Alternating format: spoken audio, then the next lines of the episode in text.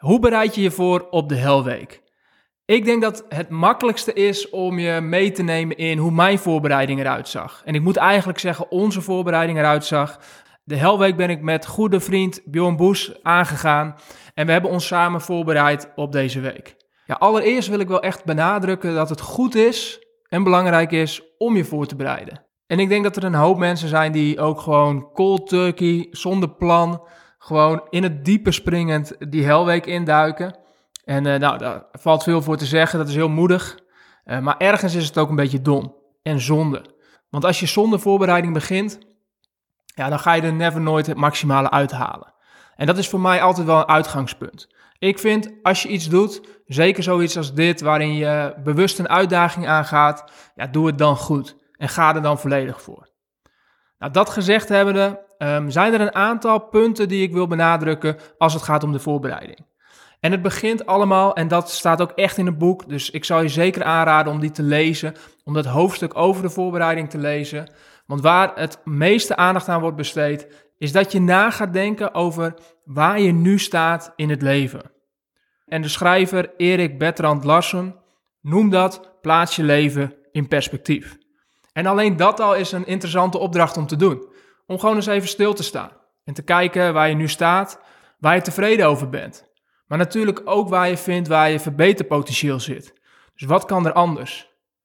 En toen ik dat deed, merkte ik dat ik over een heel groot deel heel tevreden ben over waar ik nu sta. Ik heb veel stappen gemaakt. Ik heb veel geïnvesteerd in mijn ontwikkeling. Ik heb veel geïnvesteerd in mijn relaties, ehm, de mensen om me heen. Datgene wat ik doe, daar geloof ik in. Ik merk dat ik daar energie van krijg, dat ik er steeds beter in word, uh, dat ik veel voldoening krijg uit mijn werk als performance coach. Dus er zijn veel dingen waar ik heel tevreden over ben. Maar er zit ook verbeterpotentieel. Voor mij ontdekte ik dat dat met name zit in het beleven van ja, meer plezier en ontspanning. Soms kan ik nog wel eens wat doorschieten in uh, mijn drang om te presteren, om doelen te bereiken. En kan ik het leven heel serieus nemen. En uh, die andere kant, juist die losse kant, die ontspannen kant, uh, die wat minder gericht op prestatiekant, ja, dat is als performance coach misschien lastig om wat los te laten. Maar juist denk ik um, uh, in die rol ook ontzettend belangrijk om te hebben. Om die andere kant ook aandacht te geven. En daar zit voor mij de winst te behalen. Nou, dat was iets wat voor mij heel duidelijk werd. Um, en dat neem ik dus ook mee in die helweek en in de voorbereiding erop. Want de volgende stap is. Oh ja, nog één ding wat goed is om te noemen, is dat bij het plaatsen van je leven in perspectief het ook heel erg kan helpen om je omgeving te vragen om feedback. Om anderen te vragen uh, naar hoe ze naar je kijken. Uh, waar zij vinden dat je goed in bent. Uh, maar ook waar zij zien waar je nog winst kunt behalen. Als je leven dus in perspectief hebt geplaatst, heb je een enorm belangrijke stap gezet. Vervolgens kun je dat ook weer terugbrengen naar een doel. Dus je kunt voor jezelf een aantal doelen stellen, zodat het wat concreter wordt waar je aan wilt werken. Het doel wat ik voor mezelf heb opgeschreven voor deze helweek, het globale doel, is om mijzelf nog meer te laten zien vanuit mijn kracht en ontspannen spontaniteit. Vervolgens heb ik ook een aantal doelen gesteld die ik gewoon wil behalen, een aantal uh, resultaatdoelen. Waaronder dus elke dag een aflevering opnemen voor deze podcast. Nou, dat is denk ik een hele belangrijke eerste stap in je voorbereiding. Kijk waar je nu staat, kijk waar het beter kan en vertaal dat naar hele concrete doelen voor jezelf. Maar dat is nog niet alles. We zijn er nog niet helemaal. Want wat ook ontzettend goed is en belangrijk is om mee te nemen, is dat deze helweek ook een praktische voorbereiding vraagt.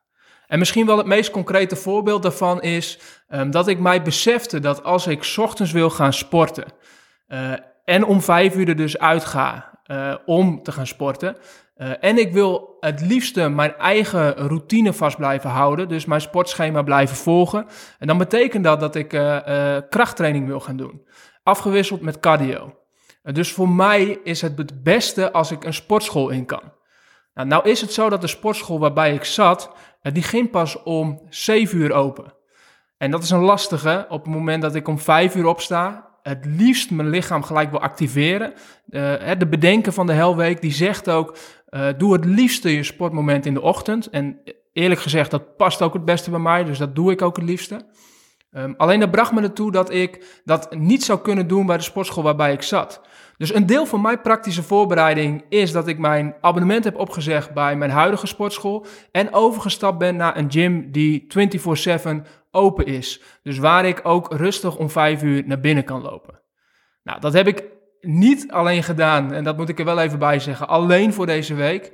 Uh, maar ik zie al voor me dat het um, sowieso prettig is om nog iets eerder te kunnen sporten. Dus er zijn dingen die ik uit deze week ga overhouden. En één daarvan is dat ik um, s ochtends nog iets eerder kan gaan sporten. Dus het is voor mij een, niet alleen een winst op korte termijn, maar ook lange termijn.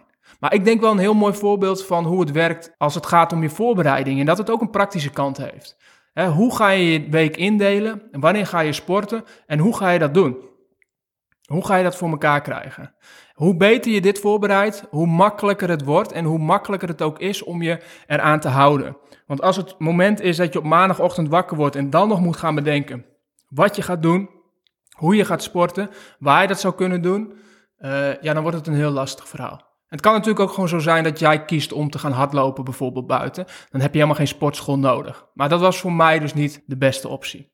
En nog een tweede punt ten aanzien van de praktische voorbereiding is de voeding. Het is een belangrijke pijler in deze week om ook gezond te eten. En dat vraagt mogelijk ook wat extra voorbereiding. Allereerst dat je voor jezelf goed bedenkt, wat is gezond eten voor jou? En wat betekent dat? Wat wil je dan graag eten? Hoe vaak wil je eten op een dag? En als je dat weet, ja, dan is het natuurlijk ook de vraag: hoe zorg je ervoor dat je dat ook in huis hebt? Dus mogelijk wil je ook boodschappen doen voor de hele week. Nou, het was in ieder geval een gesprekspunt uh, tussen mij en mijn vriendin om te bespreken wat we dan willen eten in die week. Um, wie dat gaat klaarmaken en hoe we dat gaan doen. Uh, en ook even extra boodschappen doen. Nou, ik heb niet heel veel veranderd in mijn eetpatroon.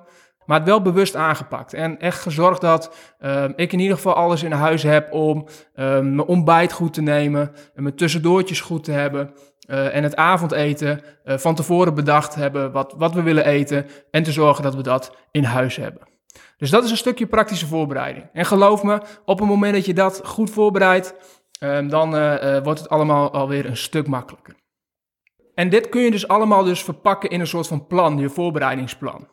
En het is wel leuk om te vertellen dat uh, Bjorn, de, mijn buddy waar ik deze helweek mee doorga, uh, ook eenzelfde soort plan heeft gemaakt. En die hebben we ook met elkaar besproken vooraf. Dus de zondag voordat we starten, um, hebben we die doorgenomen.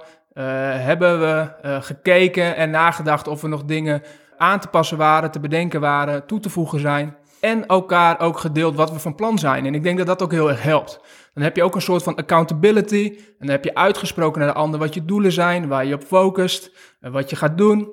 Uh, en dat helpt voor mij heel erg. En ik weet dat dat voor heel veel mensen net zo geldt.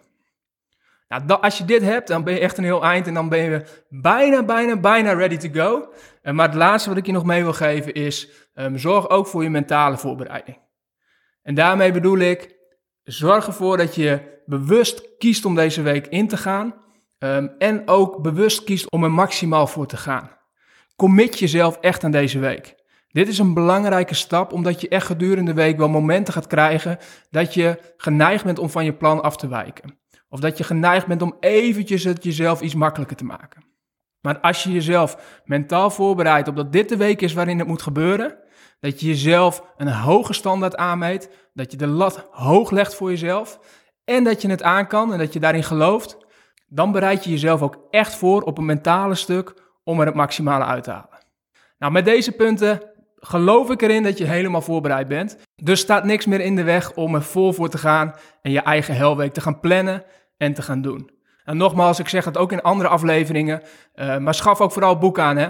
Dit is niet het volledige verhaal. Het helpt heel erg om een naslagwerk te hebben, uh, om het boek erbij te hebben en die ook dag voor dag te kunnen blijven lezen. En gebruik dit als extra motivatie, inspiratie en bron om er het maximale uit te halen. Nou, wil je het allemaal even rustig teruglezen? Dat kan. Check daarvoor geerthidding.nl slash helweek. En in de volgende aflevering neem ik je mee naar dag 1, de maandag. Tot dan.